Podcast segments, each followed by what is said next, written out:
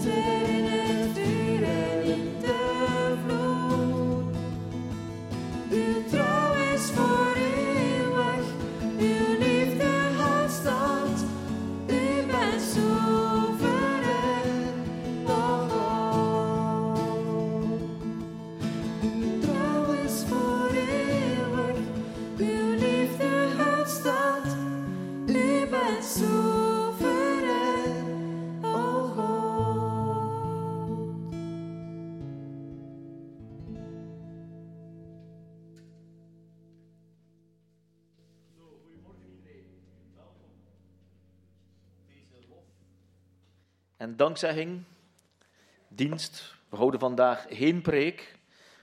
We krijgen wel twee getuigenissen. Namelijk Mieke en Geertrui willen toch van het afgelopen jaar iets getuigen van de goedheid van God. En ik denk dat eh, het liedje ook ergens beschrijft, ondanks alles wat we in het afgelopen jaar hebben tegengekomen, voor de ene is dat bijzondere zegeningen, voor de ander misschien een diepe teleurstelling, mogen we weten dat God trouw is en Hij houdt stand. En ik denk dat dat het belangrijkste is: dat we mogen weten dat God getrouw is. Maar vooraleer we ergens gaan overgaan tot het zingen, moeten we misschien onszelf eens inbeelden: ja, wie is God nu? En hoe openbaart God zich in de Bijbel? En ik moest denken aan eh, de Bijbelstudies van Openbaringen eh, in, in het boek Openbaringen, waar Johannes in feite dat unieke inkijk kan krijgen in de hemel. En daar staat er in Openbaringen, ik ga dat eens lezen, Openbaringen 4. Daar krijgen we ergens als toeschouwer, als lezer van de Bijbel, een, een zicht over God. Ja, wie is God nu? Wij hebben allemaal ideeën over God, misschien gevoelens, maar God maakt zich openbaar in zijn woord. En misschien, als je het leest, zal je niet direct een kenmerk krijgen van God, maar het betekent iets. Het betekent iets, namelijk ga lezen vanaf Openbaringen 4, van vers 1 tot en met 4. Hierna, hierna zag ik, en dat is Johannes, en zie, er was een deur geopend in de hemel. En de eerste stem, die ik als een bazuin met mij had horen spreken, zei, kom hier. Kom hier omhoog en ik zal u laten zien wat hierna moet geschieden. En meteen raakte ik in geestvervoering en zie, er stond in de, een troon in de hemel en op de troon zat iemand. Hij die daar zat, zag eruit als een stenen jaspis en jardus. En er was een regenboog rondom de troon, die eruit zag als een smaragd. Dan kunnen we ons inbeelden, als we dat lezen, kennen we nu iets van God. Menselijke kenmerken zijn hier niet beschreven over God, absoluut niet. Maar wat er wel beschreven is, dat het onbeschrijfelijk is. Wat Johannes hier ziet over God in de hemel en over zijn troon, is onbeschrijfelijk en van onschatbare waarde. En dat is de eerste eigenschap van God. Het is onbeschrijfelijk. We kunnen onbeschrijfelijk zien, voelen, ervaren wat God is. Maar het is wel zeer kostbaar. Denk maar aan edelstenen, zijn kostbare, kostbare dingen. En hier wil Johannes benadrukken hoe God is, kostbaar. Maar daar zijn we in feite nog niet veel mee. Hoe is God? Hoe is God? En dat kunnen we lezen, en dat is een van mijn lievelingsteksten in Exodus, Exodus 34. Want daar openbaart God zich, namelijk zichzelf aan Mozes. In Exodus 34 lezen we vanaf vers. Nu ben ik, wacht. Vanaf vers 6. De Heere verschijnt aan Mozes. Zoals ik al zei, we hebben allemaal ideeën over God. Maar hier spreekt God tot Mozes. En hij zegt, in vers 6, daar ga ik mee beginnen. Toen de Heere bij hem voorbij kwam, riep gij, Heere, Heere, God, barmhartig en genadig, geduldig en rijk aan goedertierendheid en trouw. Die goedertierendheid blijft bewijzen aan duizenden en die ongerechtigheid, overtreding en zonde vergeeft. Misschien zijn we die dingen al duizendmaal gelezen. Maar ik denk dat het jaren duurt totdat we werkelijk gaan begrijpen dat God barmhartig is, dat Hij genadig is, dat Hij geduldig is en dat Hij rijk aan goedertierendheid is en trouw. Hieraan zien we het karakter van God. En vele malen in de Bijbel openbaart zich God zich als die God met die eigenschappen. Jezus zegt ook in het Evangelie: Ik ben nederig en zachtmoedig van hart. Dat zijn werkelijk de kenmerken die God geeft aan zijn volk en ook aan ons. Namelijk, God is barmhartig en genadig, geduldig en rijk aan goedertierendheid en trouw. En ik hoop dat we dat, dat we dat beeld van God hebben. Dat we daarom ook deze morgen zijn samengekomen om te beseffen welke genade en welke zegen wij dit jaar mochten ontvangen en nog in de toekomst zullen ontvangen. Dat is een eigenschap van God. En misschien duurt dat jaren totdat je tot dat inzicht komt.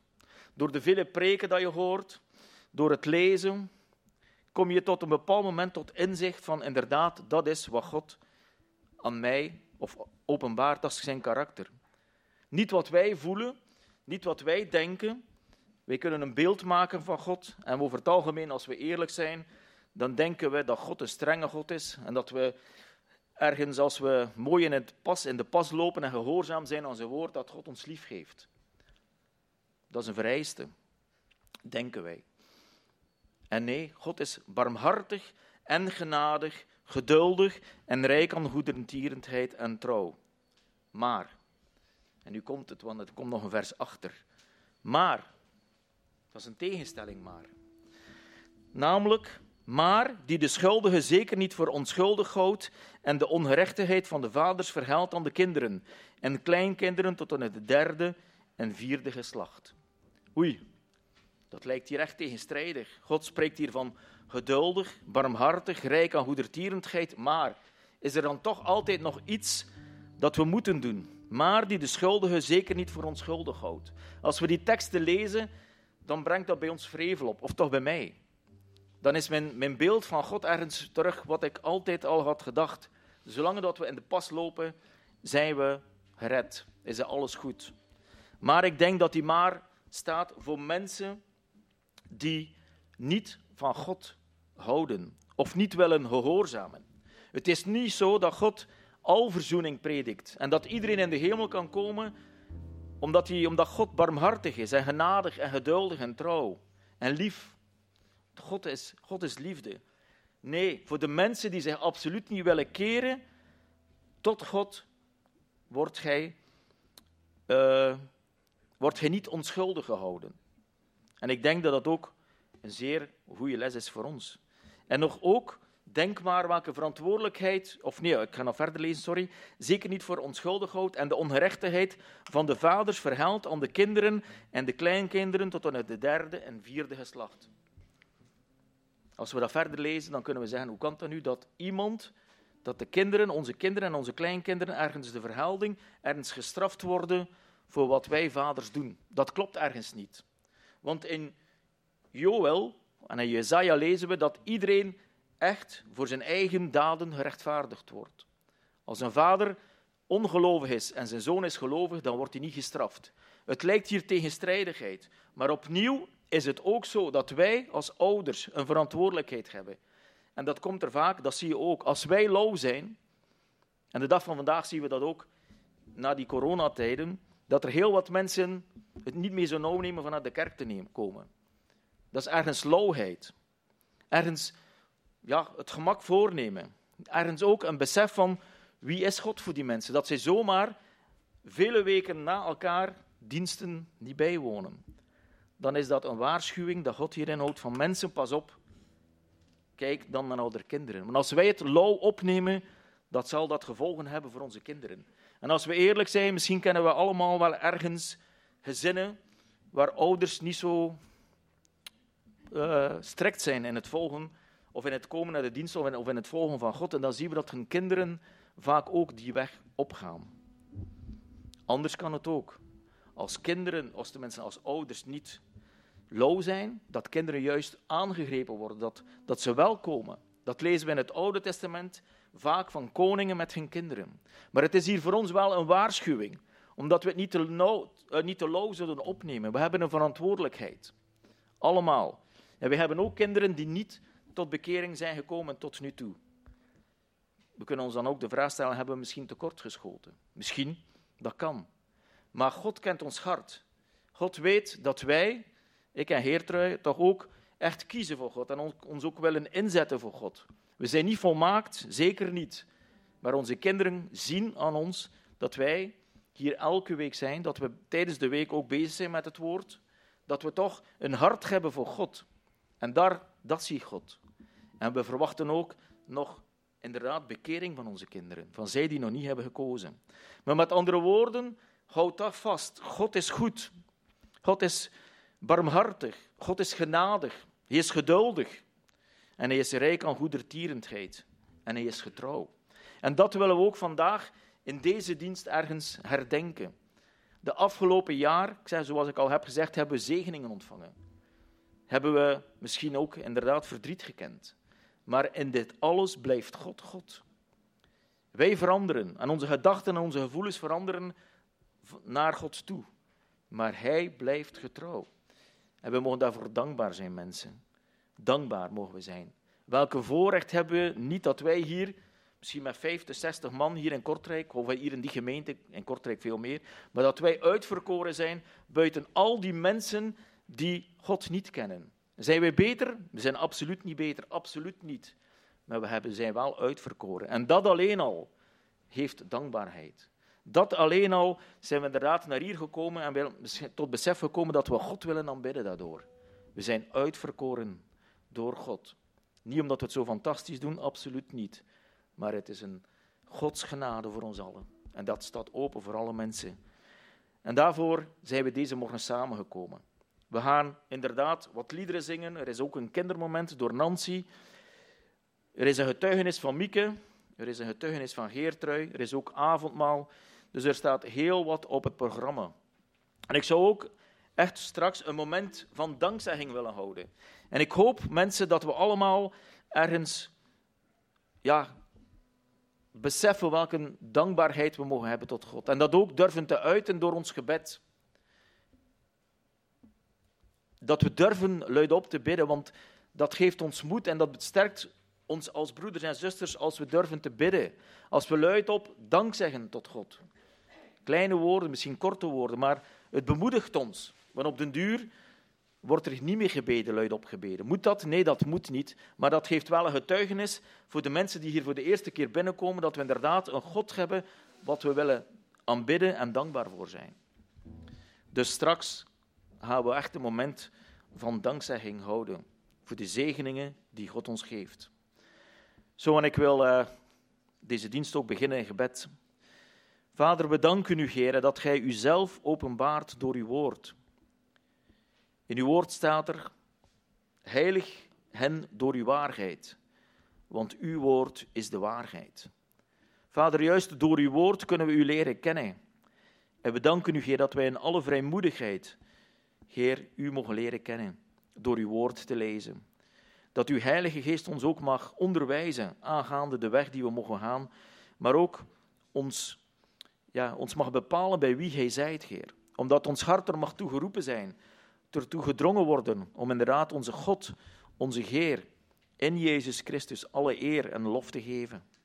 Vader, we danken u, Heer, voor dat wonderbare feit. Heer, vergeef het ons dat we ook ja, blijven mensen, Heer, met onze zondige gedachten en neigingen. Maar Heer, u bent aan het kruis gegaan daarvoor en u hebt alles verzoend. Vader, mag ook deze dienst echt tot lof en eer van u zijn, Heer. Want alle lof en alle eer komt u toe. Want u bent wie u bent. De God van Abraham, Isaac en Jacob. De Almachtige. Heer, we danken u dat wij tot erkentenis der waarheid mochten komen. En dat we hier met broeders en zusters voor uw aangezicht mogen staan om u te aanbidden. Omdat u inderdaad die enige waarachtige God bent. Amen.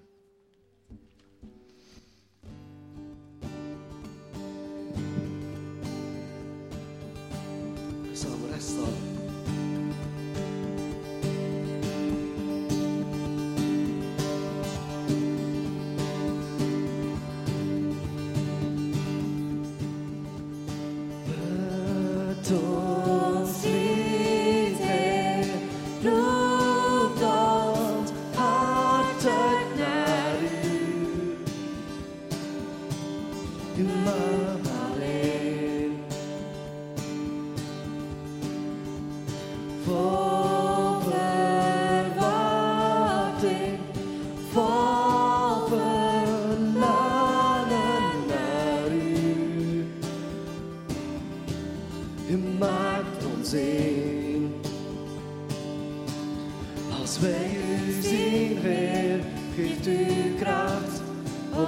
staan. We mogen vrij van angst en schaam.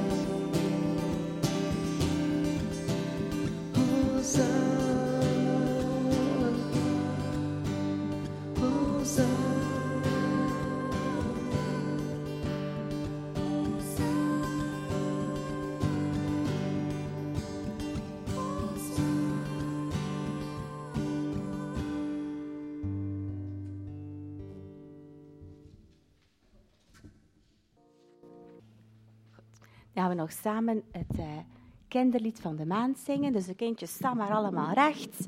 Want een koning is geboren. Jullie kennen dat al. Hè? De grote mensen mogen ook recht staan hoor. Voel je vrij.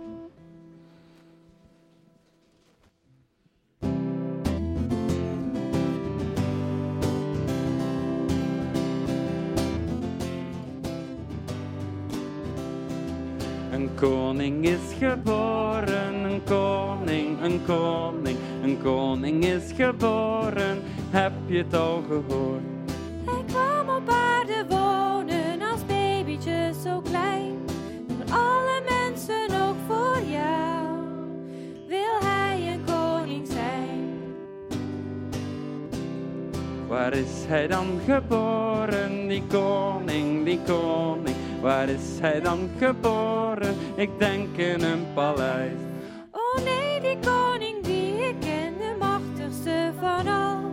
Die kwam niet in een mooi paleis, maar in een arme stal. Waar is het dan verslapen, die koning, die koning? Waar moet hij dan in slapen? Ik denk op bed. Oh nee, die koning die ik ken, die heeft geen bed van goud. Geen pracht en praal,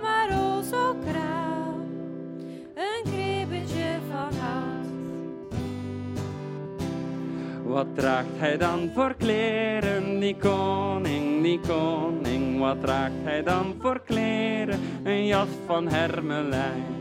Oh nee, die koning die ik ken, die heeft er zelfs niet één. En ook geen hemdje van satijn, maar doekjes om zich heen. Hoe kan ik hem dan vinden, die koning, die koning? Hoe kan ik hem dan vinden? Weet jij misschien de weg? Die koning is dicht bij je, je hoeft niet ver op reis. Vraag hem het kripje van je hart, dan wordt het een paleis. Dan wordt het een paleis. Dank je wel, Hemelse Vader. Dank u dat u zo goed bent. Dank u dat u onmetelijk veel van ons houdt en ons ook wel steeds wil vergeven, Vader. Ik wil u ook eh, danken dat u uw geboorte weer konden, eh, ja, zoals elk jaar, herinneren, Vader, met het kerstfeest. En ik wil u ook bidden, Heer, dat, het, eh, ja, dat u verder zo of danken, Heer, dat u verder zo verder voor ons zorgt. Dank u wel. In uw naam, amen.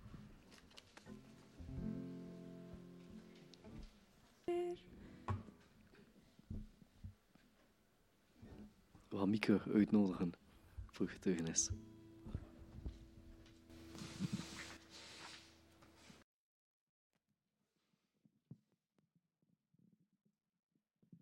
Ja, lieve mensen. Eh, Jan had het al over de goedheid en barmhartigheid van God. En dat is zo, absoluut. Ik, ik wil ook beetje de nadruk leggen in mijn getuigenis over de soevereiniteit van God. God is soeverein. Hij heerst over alles. En hij houdt ook alles in zijn hand. En wat u ook probeert om hem tegen te werken, of welke problemen of hindernissen er op de weg komen, als God het in zijn hand heeft en als hij er een doel mee heeft, dan komt hij tot zijn doel. En ik wil het nu in bijzonder hebben over die hele weg die Helene en Ben hebben afgelegd, omdat ze alle twee in de zending wouden en toch maar niet bij elkaar konden komen of in Australië geraken. Het is echt een hindernissenparcours geweest, tot op de laatste minuut spannend. Maar we hebben heel duidelijk de soevereine werking van God gezien, die ondanks alle hindernissen de weg heeft gebaand. En vandaag zijn ze in Australië. Alles is begonnen in 2019, toen ze elkaar hebben leren kennen in Taiwan op uh, een zendingsbasis van Youth with a Mission. Daar hebben ze elkaar leren kennen. Ze zijn daar vijf maanden geweest. En dan zijn ze elk terug naar hun land gekeerd. Helene ja, naar België en Ben naar Perth in Australië. Um, met de bedoeling dat ze dan weer bij elkaar zouden komen, um, elkaar nog wel leren kennen en dan te trouwen en op zending te vertrekken. Maar door het feit dat Helene toen begon te werken hier in België, kon zij zomaar niet haar werk laten staan en naar Australië trekken. Ze kon die vakantie niet krijgen. Dan is Ben dus tijdelijk drie weken hier in België geweest en na drie weken weer vertrokken. Met de bedoeling dat Helene een paar maanden later zou achtergaan om daar dan te trouwen. Maar ondertussen is corona uitgebroken en kon Helene niet naar Australië. En ze hebben dan beginnen skypen, maandenlang geskypt, totdat in december 2020 Ben toelating gevraagd heeft aan zijn land, Australië, om naar hier te mogen komen. Australië is heel streng. Hij had de grenzen gesloten, kon niet binnen nog, buiten. Maar Ben heeft toestemming gekregen en is dan vorig jaar in december uh, naar België gekomen. Omdat ze alle twee zagen dat er geen mogelijkheid was naar Australië te gaan, want daar zouden ze trouwen, uh, heeft Ben dan ook hier vlug werk gevonden. Eerst een beetje seizoenarbeid, omdat het nog zomer was. Maar dan heeft hij kunnen beginnen in het Parkhotel in Kortrijk, die voor mij al speciaal was eh, om in zo'n. Maar het Parkhotel heeft wel een beetje internationale faam, dus dat was geen probleem voor hen om een Engelstalig iemand daar te laten werken. Dus heeft hij dan de hele tijd in het Parkhotel gewerkt. Uh, in april 21 zijn ze dan hier in België getrouwd. De grenzen bleven gesloten. En pas van november, nu vorig jaar, november, nu november, pas hier, zijn de grenzen gaan versoepelen. Zijn de grenzen gaan versoepelen. En heeft Helene dan een eerste poging gedaan om een visum aan te vragen, een toeristenvisum. Dat ging voor Australië, maar met een uitzondering, omdat ze ondertussen met een Australiër getrouwd was. Het was nog afwachten of Australië dat ging goedkeuren. Maar goed, ze, kreeg een ze heeft dan een, visum, een toeristenvisum gekregen voor drie maanden met een als uitzondering. Dus toeristen zijn niet toegelaten in Australië, maar zij kreeg toelating met een exemption, uitzondering omdat ze met een Australiër getrouwd was. Dus dat was al een eerste hindernis die, die genomen was. Ze kreeg toelating, maar ze moest wachten tot Australië zelf ging zeggen: Kijk, nu gaan we dat visum toekennen. Ze had al die uitzondering, maar dan nog moest het visum gegeven worden. Tegen de tijd dat ze het moest krijgen, zei Australië: Nee, nog wachten. We gaan nog 14 dagen wachten. Ondertussen was die Omicron-variant gekomen. Dus nog 14 dagen wachten en dan gaan we definitief laten weten. Ze heeft geen 14 dagen moeten wachten. Na 10 dagen kwam het goede nieuws dat ze konden vertrekken naar Australië. En op 20 december zijn ze dan vertrokken, maandag 20 december. Maar een paar dagen ervoor kondigde Brussels Airlines aan dat ze die maandag 20 december gingen staken. Ik zeg tegen jullie, en nu? Oh, mama zegt, we hebben geluk. We hebben geboekt met British Airways en niet met Brussels Airlines. Dus als de staking niet overslaat naar andere maatschappijen, kunnen we toch vertrekken maandag. En inderdaad, maandag 20 december konden ze in Brussel opstappen naar Londen Heathrow. Wij konden geen afscheid nemen, want er mochten geen uh, bezoekers op de luchthaven. Wij mochten niet mee naar de luchthaven, maar we hebben zijn korttrek op de trein gezet en hebben daar dan afscheid genomen. Maar goed, ze hebben dan laten weten dat ze Heathrow geland waren. Dus we dachten ja. En dat ze ingecheckt waren. Al voor, ze moesten nog een hele nacht wachten voor de vlucht naar Australië. Maar ze waren ingecheckt en ze waren hun bagage kwijt. En ze zaten al in de transit, waar ze gingen slapen tot de vlucht vertrok. Er was daar een hotelletje dat ze zouden kunnen uh, reserveren, maar die zat barstens vol. Dus moesten ze in de transit slapen. Maar er waren nog mensen voor, voor die vlucht die daar gingen slapen. En degenen die surveilleerden op Hydro zeiden: slaap maar gerust in de transit op een bank, maar wij gaan surveilleren heel de nacht. Dus ze konden met een gerust hart toch een paar uur slapen. Een paar uur voordat ze zouden vertrekken, kregen ze een sms'je van het toeristenbureau waar ze geboekt hadden, dat de vlucht, ze moesten naar Darwin.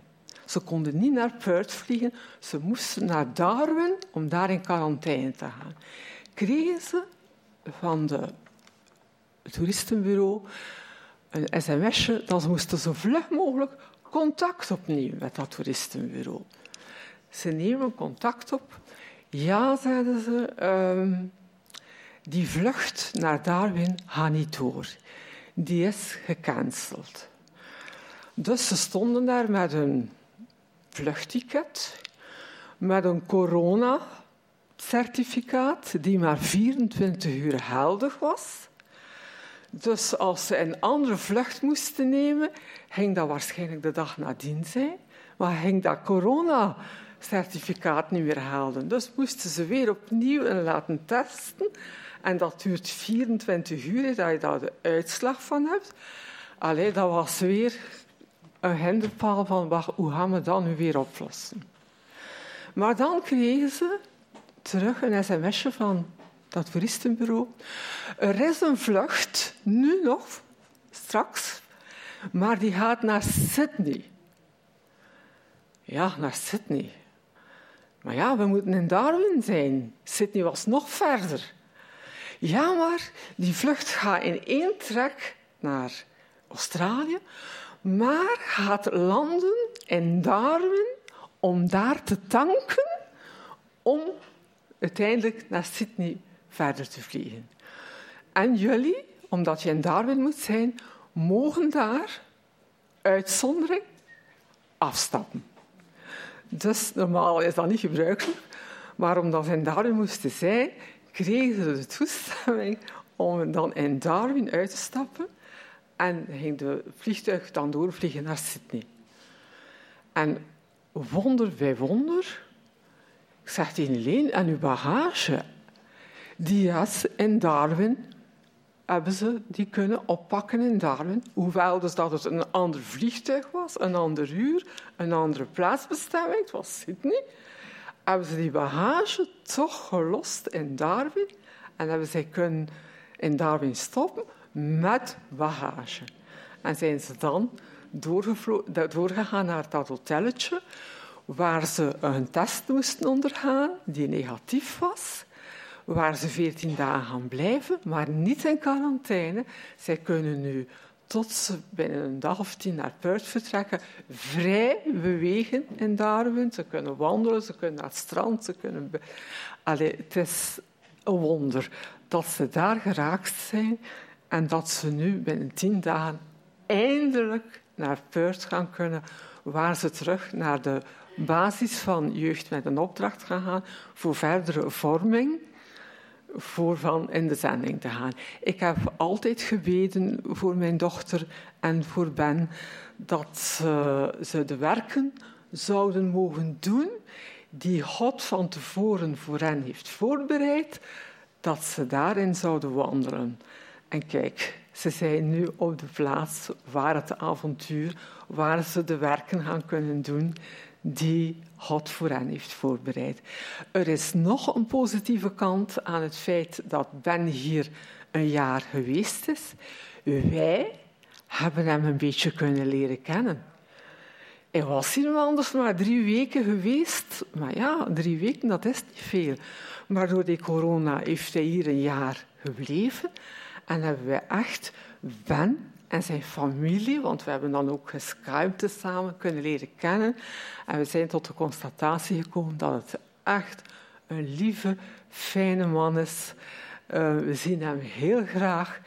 Uh, ook een hele lieve familie, elf kinderen. Dus Helene die komt terecht in een goede, grote familie. Allee, alles, ondanks alle hindernissen en dingen, is alles verlopen zoals het eigenlijk ja, het moest, door God die dat geleid heeft, stap per stap. God is soeverein en zijn plannen kunnen nooit vereiteld worden. Ik ben God zeer dankbaar. Dank u.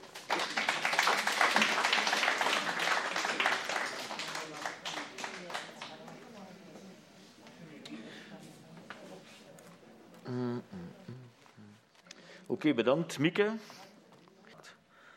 Vader, we danken u, Heer, dat we inderdaad weten dat er een God is. En dat u zich openbaart door uw woord. En dat we mogen weten dat u onze weg maakt, Heer. Een volkomen weg. En we danken u dat u ons door Jezus Christus verzoening brengt. Heer, we hebben vele redenen om u te danken, om u te loven en te prijzen. En dat willen we ook doen, Heer. Elke dag opnieuw. Want zonder u zijn we niets, Heer. Dank u wel voor onze broeders en zusters hier aanwezig. Zegen hun gezinnen, Heer. Ook voor de kinderen die nog niet tot bekering gekomen zijn, bidden we. Heer, dat, er, ja, dat de omstandigheden zo mogen geleid worden dat ook zij kennis mogen hebben van God. En ook door bekering, Heer, u mogen leren kennen. Zegen ons, Heer.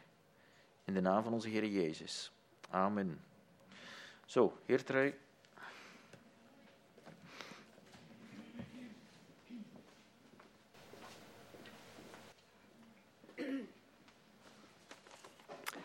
Goedemorgen iedereen. Dank wel, Mieke, voor je getuigenis. En ik wil daar ook ergens op verder gaan. Um, ik weet niet of jullie zich herinneren, een van onze kinderen, en ik ga hem wel vernoemen. Um, ik heb er op voorhand ook van gesproken met hem. Het uh, betreft onze BAVO. Um, ik vind het als moeder altijd ook heel belangrijk dat uh, onze kinderen hun verantwoordelijkheden opnemen. En ook in verband met hun studie. Hè, dus dat zij proberen toch om een diploma te behalen. Maar bij onze BAVO liep het allemaal niet zo gemakkelijk. Um, hij, um, ik kon zijn studie niet afwerken Hij kende ook een, nogal een zware worsteling in zijn geestelijk leven. Ook in zijn puberteit. En ehm, dat heeft zo'n hele tijd geduurd.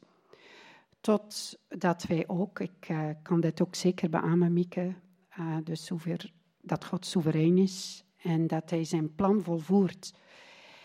En ik weet niet of jullie zich herinneren, dus dat uh, Thijs en Jessica hier zijn geweest van uh, Pilunka, van Roemenië. En om het verhaal kort te maken, God uh, wees erop dat dit misschien de weg was die Bavo moest gaan. Um, alles werd hier afgeblokt en wij waren heel blij. Bavo zou in juni 2020 vertrekken naar Roemenië voor een jaar. En dit met uh, de Europese Unie. Dat was um, een project dat jonge mensen de kans krijgen om een jaar mee te draaien in een project uh, ontwikkelingshulp. Maar ook, natuurlijk ben je als ouder daar heel gelukkig om, maar er kwam een zware hindernis. En uh, het verhaal bij ons was niet zo mooi, hè? maar het is goed geëindigd, ik zal het zo zeggen. En daarover wil ik iets vertellen. En um, bij de kinderen deed ik dat ook altijd. Het is zo belangrijk op het einde van het jaar dat we stilstaan wat God heeft gedaan en dat we daar echt tijd voor gaan nemen om Hem te danken. En wij kunnen echt God danken, want Hij heeft een wonder verricht. En daarover wil ik ook iets vertellen. Het leven is niet altijd rooskleurig. En uh, ja, bij mij is het al dikwijls de laatste tijd dat er moeilijke dingen kwamen. En het voorbije jaar heb ik veel mooie dingen gezien, maar ik heb ook iets, uh, of wij hebben ook iets uh, heel moeilijks meegemaakt met onze kinderen. En ik wil hiervan getuigen hoe de Heer gewerkt heeft en hoe dat God ook in deze situatie ons kan gebruiken om mee te helpen. Dat is, zeer, uh, dat is niet goed uitgedrukt, want eigenlijk God kan alles zelf, maar hij wil ons graag gebruiken in zijn plan. Um, een van de dingen uh, die ik uh, opnieuw moest leren, um, is volledig afhankelijk te zijn van Hem. Begin september 2020 komt Bavo bij mij op de kamer en zegt hij, ma, ik moet u iets vertellen. Ik ga niet in details treden, uh, dat wil ik niet doen. Uh, als Bavo dat zelf wil vertellen, dat laat ik aan hem over. Maar hij vertelde iets, om het uh, zo te omschrijven, hij was in zonde gevallen. Ik vond het verschrikkelijk erg. De angst sloeg mij om het hart. Um, ik kon s'nachts niet slapen. Ik kreeg maagproblemen. Um, ik kon er ook niet van spreken. Ik was zo overmand door verdriet. Alles leek zo mooi te zijn. Dus dat hij naar Roemenië zou vertrekken. Dat hij daar een jaar in de dienst van de Heer zou werken. En dit werd nu verhinderd. En um, toeval, maar dat is niet bij God. Hij heeft alles in zijn hand. Uh, begin september 2020 werd ik in quarantaine geplaatst omdat er een besmetting was. En ik was hoogrisicopersoon op school. En ik moest tien dagen in quarantaine. En ik vond dat helemaal niet leuk, want ik doe heel graag mijn werk. En het was helemaal ik alleen van de ark die in de quarantaine geplaatst werd. En ik heb nogal vlug mijn knop omgedraaid en ik heb gezien dat God juist die quarantaine gebruikt heeft om met die situatie, om echt tot God te komen met de situatie van Bavo. Ik ben dan in vasten en gebed gegaan, um, omdat ik echt niet wist wat ik daar moest mee doen. Um, en ik moet heel eerlijk zeggen, ik heb geroepen naar God, ik heb gesmeekt, ik heb heel veel verdriet gehad ehm, om deze zaak. Ehm, maar ehm, het is toch wel bijzonder, de tekst die Jan, wij wisten niet van elkaar, die ook deze morgen eh, aanhaalde vanuit eh, Exodus 34.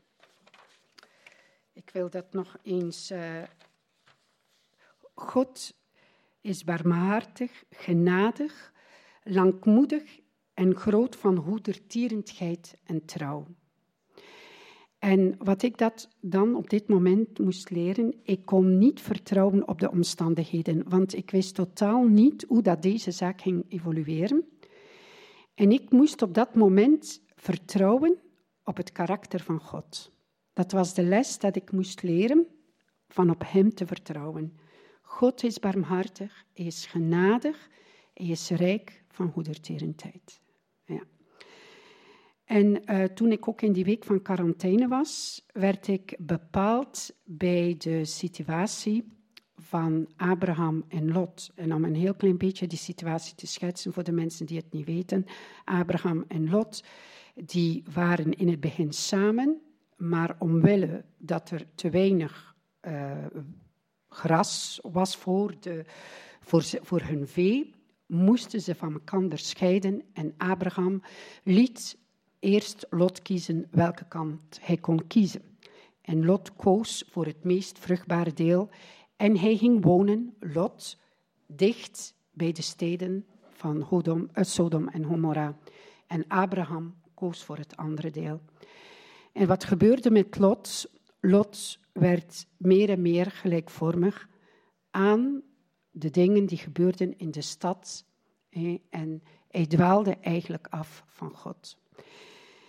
En ehm, dat is ook iets dat ik echt vooral ook naar de jonge mensen ehm, wil doorgeven. Ehm, ik kan heel goed begrijpen dat een keuze maken, vooral kinderen die opgevoed zijn in een christelijk gezin, die horen heel veel over het woord van God. Ehm, die hebben heel veel dingen ook meegemaakt en ook heel gewoon dingen, gewoon meedoen omdat wij het als ouders doen. Maar op een bepaald moment in hun leven komt het dat zij zelf hetgeen zij gekregen hebben, dat zij dit zelf moeten verwerken en voor zichzelf een keuze voor God moeten maken. En Bavo was op dat punt, hij zat in die strijd om een keuze voor God te maken. Maar hij vond het zeer moeilijk om die radicale keuze voor Jezus te kunnen maken. En hij leefde eigenlijk zo een beetje van, ik geloof dat God bestaat, ik wil zijn weg volgen, maar ik wil ook de wereld niet loslaten. En ik weet niet of uh, iemand van jullie die boeken kent van uh, Isabel Koen. Dat zijn de eerste boeken dat ik gelezen heb bij mijn bekering. En wat ik toch zo opmerkelijk vind, dat ook onze kinderen, zelfde leeftijd, deze boeken gaan lezen. En ik zou deze boeken ook aanraden. En uit een van die boeken wil ik een citaat naar voren brengen, uh, het boek van de Hoge Weg van Isabel Koen. En zij beschrijft daar ook een beetje dezelfde situatie. Hè. Ze was ook thuis opgevoed met het woord. Uh, bepaalde dingen deed ze gewoon niet, omdat dat haar opvoeding was. En zij was tot de conclusie gekomen van, kijk, ik ga niet zomaar de dingen gewoon theoretisch gaan doen, verstandelijk gaan doen. Ik wil dat zelf gaan ervaren, hè, als dat uh, wel goed is of niet. En zonder dat ze daar eigenlijk uh, dat ze het heel goed besefte, geraakte ze eigenlijk een beetje van die hoge weg af, want uh, haar familie wilde ook echt die weg met de Heere God bewandelen. En kwam ze terecht in die, zoals Isabel Koen schrijft, in die mistige vlakten. En dat zijn, dat is de weg dat je gaat met de Heere God, dat je zegt van kijk, ik geloof wel in de Heere God. Het is een weg met weinig weerstand, ja, en waar je veel keuzes kunt maken. Maar het is ook een plaats die zeer gevaarlijk is. Het is een plaats waar dat de boze u neemt op uw zwakke plekken. En dat was een beetje de situatie die er was met onze Bavo. Hij was aan het hinken op twee voeten. Hij wilde met de wereld, hij wilde de wereld niet loslaten en ik kon ook God niet loslaten. En toen hij bij mij dan kwam om dit te vertellen, het enige wat ik toen kon zeggen, dan zei ik tegen Bavo, je bent in de val getrapt. Maar op dat moment zag hij niks. Hij was zo verblind. Hij, eh, het was precies allemaal niet zo nodig meer om te geloven. En het, het was, hij was helemaal verblind. Hij was niet tot reden vatbaar. En als ouder, als je ziet dat je kind een verkeerde weg gaat, is dat verschrikkelijk moeilijk en hartverscheurend om, om daarmee om te gaan. En dan wil je van alles doen. Je ziet het, hij loopt in zijn ongeluk en je wilt van alles doen om hem terug te halen. En dat was ook iets dat ik moest leren. Ik kon niks doen. Ik moest het overlaten. En ik heb dan ook, um, omdat ik veel zorg had om hem, heb ik hem ook heel bewust, omdat God mij daar ook op wees, als ik Bavo krampachtig vasthoud, dan verhinder ik ook dat de Heer zijn werk met hem kan doen. En ik heb heel bewust en moeten loslaten, gans die situatie moeten loslaten en aan de Heer overlaten. En nu om terug op die passage te komen van Abraham en Lot. In die tijd van quarantaine werd ik zo bij bepaald. Wat deed Abraham voor Lot? Abraham ging Lot niet halen naar Sodom. Abraham ging in voorbeden. Hij pleitte voor Lot. Is Abraham naar Sodom geweest om Lot er te gaan halen? Nee, God heeft engelen gestuurd om Lot te bevrijden. En uiteindelijk is Lot met zijn drie dochters gered geweest. En toen bepaalde God mij dat ik moest op de bres gaan staan. Door zwakte kon Bavel er helemaal niet meer tegenop. We hebben dat zo duidelijk gezien. En niet alleen wij, maar ook andere mensen. Wij hebben dat, ik, ik heb het ook niet echt bekendgemaakt. Ten eerste, ik kon het over mijn lippen niet krijgen. Ik, kon het, ik vond het zo verschrikkelijk erg. En ik heb bepaald een paar mensen de situatie bekendgemaakt om mee te strijden in gebed. Ons Rode was dan ook in zwangerschapsverlof. En Rode en ik, de maandag ben ik thuis van school, hebben ook samen op de bres gestaan, gebeden, gesmeekt tot de Heer.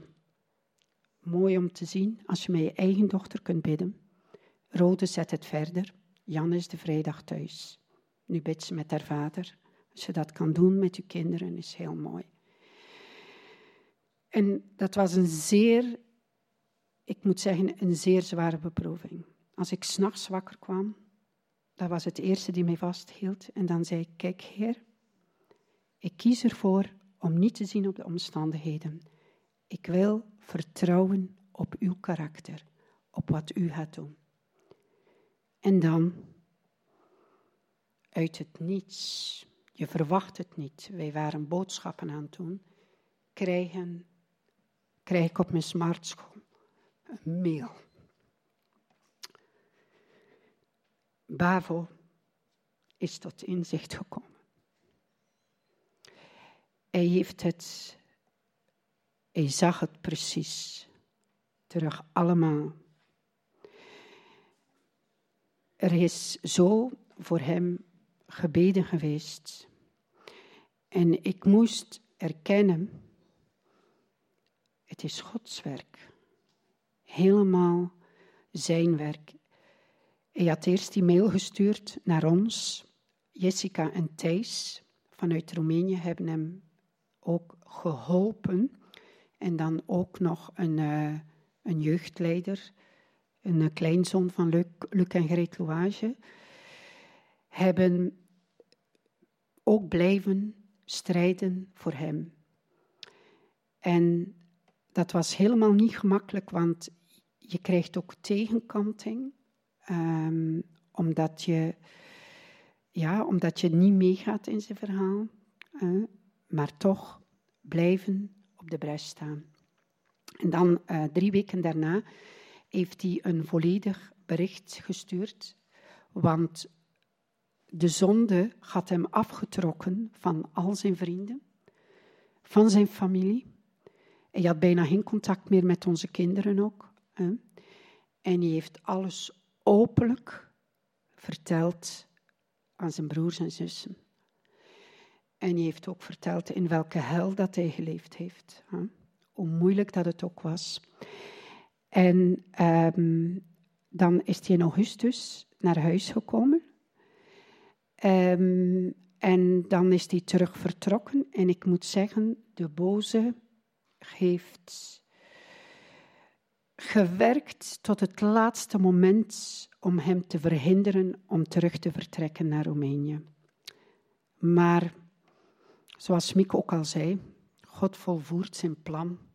Dit was nu op een ander terrein, hè, dus dat er hindernissen waren. Maar hij is ginder geraakt. Zijn periode, dat was een periode van één jaar, uh, was ten einde, 21 oktober. En um, zij hebben nu samen besloten, uh, BAVO gaat zijn verblijfsvergunning aanvragen in Roemenië. Dus hij komt niet naar België.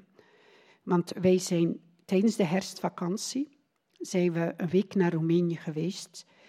We hebben daar het werk gaan bekijken dat Jessica en Thijs doen en ook wat dat onze BAVO doet. Het was zo mooi om te zien. Bavo doet dat zo goed. Hij werkt daar tussen de zigeunermensen, hoe dat hij daarmee de kinderen omgaat. Bavo heeft altijd een heel erg aangetrokken geweest door kinderen. Ik kan daar heel goed mee omgaan. En Jessica en Thijs hebben uh, besloten dus dat Bavo daar mag blijven wonen.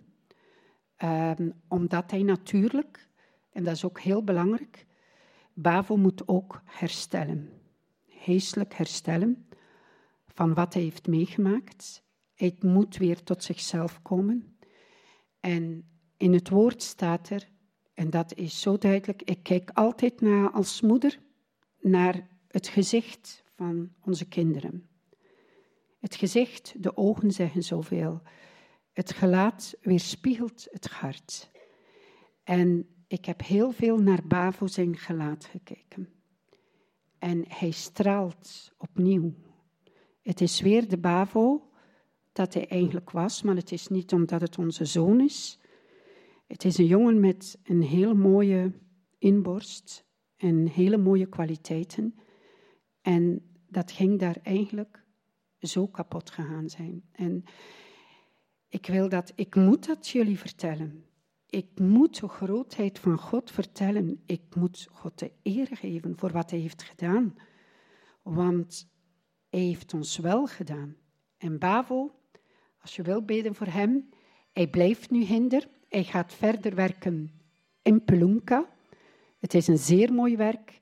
Uh, wij ondersteunen dit hier ook vanuit de kerk. Het is echt heel mooi om te zien. En ik had het moeilijk om hem na die week achter te laten in um, Roemenië. Je hebt liefst van al ik kan dat ergens begrijpen, uw kinderen dicht bij jou. Hè? Maar het belangrijkste is, het maakt niet uit waar ze zijn. Het belangrijkste is dat onze kinderen kiezen voor de Heer. En ik ben zo dankbaar en ik zou jullie ook willen opdragen, vaders en moeders, bid voor jullie kinderen. We leven in een hele complexe wereld met zeer veel misleidingen. En als ik rondom mij zie, dan de tegenstander zoekt ook echt christelijke gezinnen op om onze kinderen te misleiden, hè, om ze van uh, God af te trekken en ook om ons te ontmoedigen om niet verder te gaan. Maar God is trouw. En laten we op de bres staan voor onze kinderen. En dit kunnen we doen door voorbeden, hen lief te hebben en zelf heel dicht bij Jezus te blijven. En dit wou ik deze morgen vertellen en ik wil echt de eer aan de Heer geven. Amen.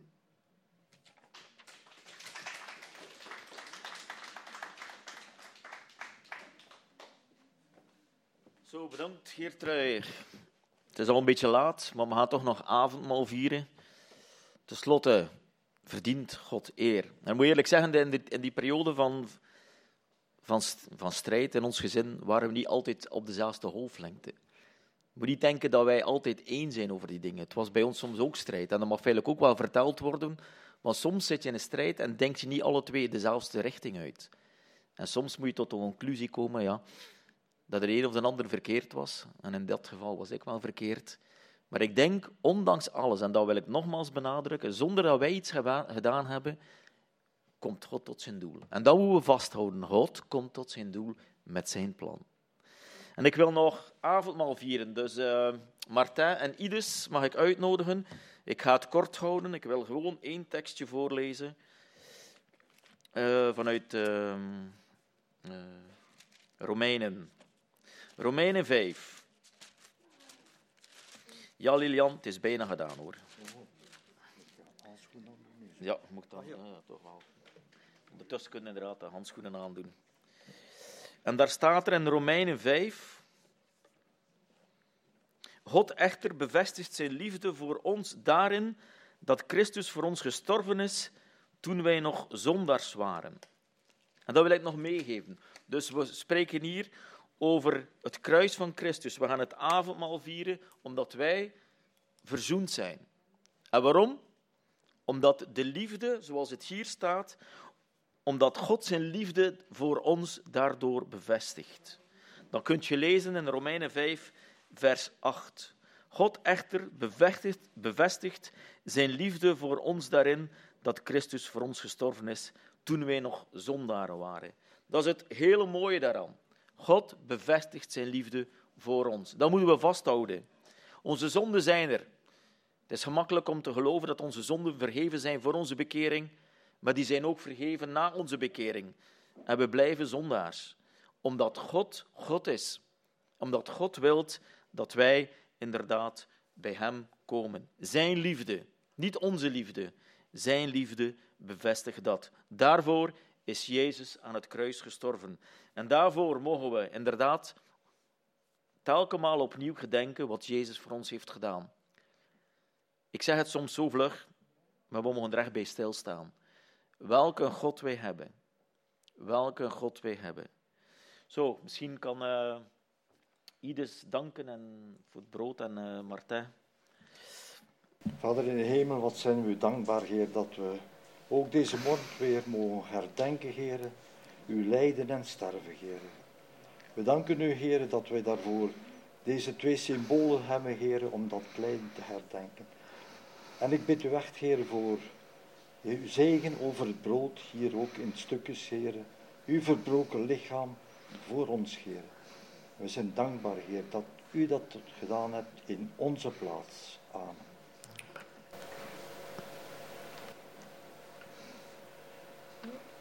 Dank u wel, Vader, voor de gave van uw woord en voor de gave van uw Zoon aan ons, die door zijn offer in Golgotha onze zonden heeft gedragen. Waardoor, dankzij u, wij de Heilige Geest mochten ontvangen die in ons is. De Heilige Geest die ons helpt, die ons mogen helpen deze week, dag per dag, heel de week lang, om te groeien in nederigheid, gehoorzaamheid, dankbaarheid en liefde voor uw zoon, aan wie steeds meer gelijkvormig mogen worden. Dank u wel. Amen.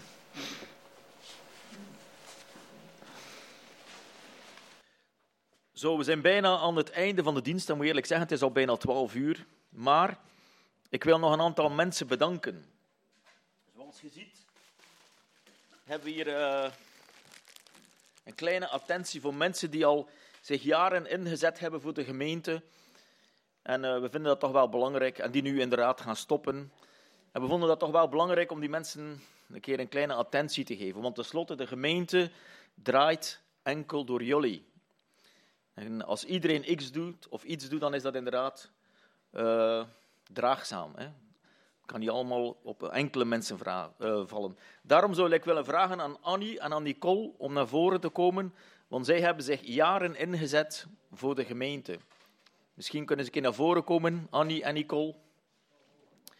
Dat is niet erg, Nicole, gaat er niet van doorgaan. Maar we willen ze toch een keer in de bloemetjes zetten. Ik moet zeggen, jarenlang was er dus Jarenlang was er de koffietafel, hè, elke week of, of één keer in de maand. Eh, Het avondmaal, niet dat ze gaan stoppen met het avondmaal, maar telkens opnieuw moet het klaargezet worden. Ze moeten op tijd zijn, ze moeten brood en wijn meebrengen. En we zijn dankbaar dat jullie dat hebben willen doen al die jaren. En het was inderdaad met veel plezier. En ik hoop dat het ook voor de jongere mensen, of voor de mensen die misschien nog geen taak hebben, misschien ook kan aanzetten om iets te doen voor de gemeente. Ten slotte doen we het allemaal voor Jezus. En dat mogen we niet vergeten. Het gaat niet om ons, het gaat niet om de kerk. Het is onze ingesteldheid, ons verlangen om voor God iets te doen. Hoe klein het ook mag zijn. En daarvoor willen we jullie als gemeente bedanken voor de koffietafel, wat was nog? De versiering, eh, het avondmaal. Al die jaren. Ik moet zeggen, het is niet van één of twee jaar. Ik weet niet hoeveel jaar dat jullie dat al doen. Twintig? Ja, misschien wel. Twintig, twintig jaar. Ik zou zeggen, alsjeblieft. Dank u wel. Het is niet voor te samen. Ja, het is niet voor te samen, nee. Kunt toch niet voor, eh, voor te samen dat doen. Alsjeblieft, hoor. Dank u wel. En normaal gezien was eh, ook nog voor eh, Christine, maar ik, ik zie dat ze hier niet is. Nee, dus dan gaan we dat volgende week moeten doen. Maar ik zou ook nog Mieke wel naar voren brengen. Ik weet het, Mieke, ik heb u die, die vraag gesteld verleden week, maar ik denk dat Mieke ook wel een cadeau krijgt voor haar inzet al die jaren in de tijden van bijbelstudies, van startstudies. Niet dat ze ermee gestopt is en niet ze er nog zal mee stoppen, maar ik denk ook aan potscherven die tijdelijk nu door Martin wordt overgenomen. Telkens malen dat, oh, dat blaadje proberen vol te krijgen, de, de mails te ontvangen, door te sturen, te ordenen. Niet dat Mieke stopt. Ik wil nadru- benadrukken, niet dat Mieke er gaat mee stoppen, maar we dachten toch ook, na al die jaren kunnen we ze toch ook wel een attentie geven. Doen, Mieke, voor uw inzet, al die jaren, en die nog verder zal gaan. Alsjeblieft. En ik zou zeggen, laten we bidden dat er anderen mogen opstaan om hè, die taak ook verder te zetten. Zo, ik wil nog afsluiten. We zijn een beetje later dan normaal, maar ik denk dat het belangrijk is dat we beseffen welke God we hebben. We mochten horen vanuit de getuigenissen, ondanks alles, zonder dat we er zelf veel voor moeten doen, maar we moeten volharden of blijven geloven, blijven vertrouwen dat God het goede met ons voor heeft. God kent ons hart. En hij weet hoe wij denken en voelen. En misschien zijn wij in veel dingen nog niet zo rijp, hebben niet, hebben, zijn we maar kleingelovigen, maar ook dat mogen we beleiden. Dat we kleingelovigen zijn en dan zullen we zien hoe dat God werkt. Vader, we danken u, Heer, voor deze dienst, voor uw genade van het afgelopen jaar. We danken u omdat u getrouw bent, en omdat u God bent. En uw naam kan niet veranderen, uw karakter kan niet veranderen, Heer. U blijft dezelfde. Heer, mogen wij dat ook in het komende jaar weer van, ja, van genieten, Heer. Mogen wij dat ook weer ervaren in ons leven, hoe u werkt in ons allen. Heer, dank u wel voor uw genade, voor uw Zoon Jezus, omdat u inderdaad daardoor uw liefde bevestigt aan ons allen, Heer. Dank u wel. Amen. Ik wens jullie allemaal nog een gezegende zondag.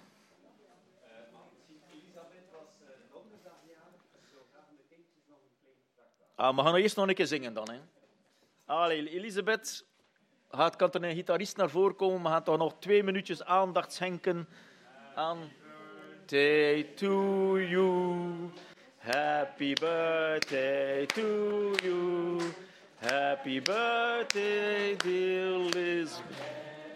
Happy birthday to you, and may God bless you. Hip, hip, hip, hoera! Allee, nog een fijne zondag.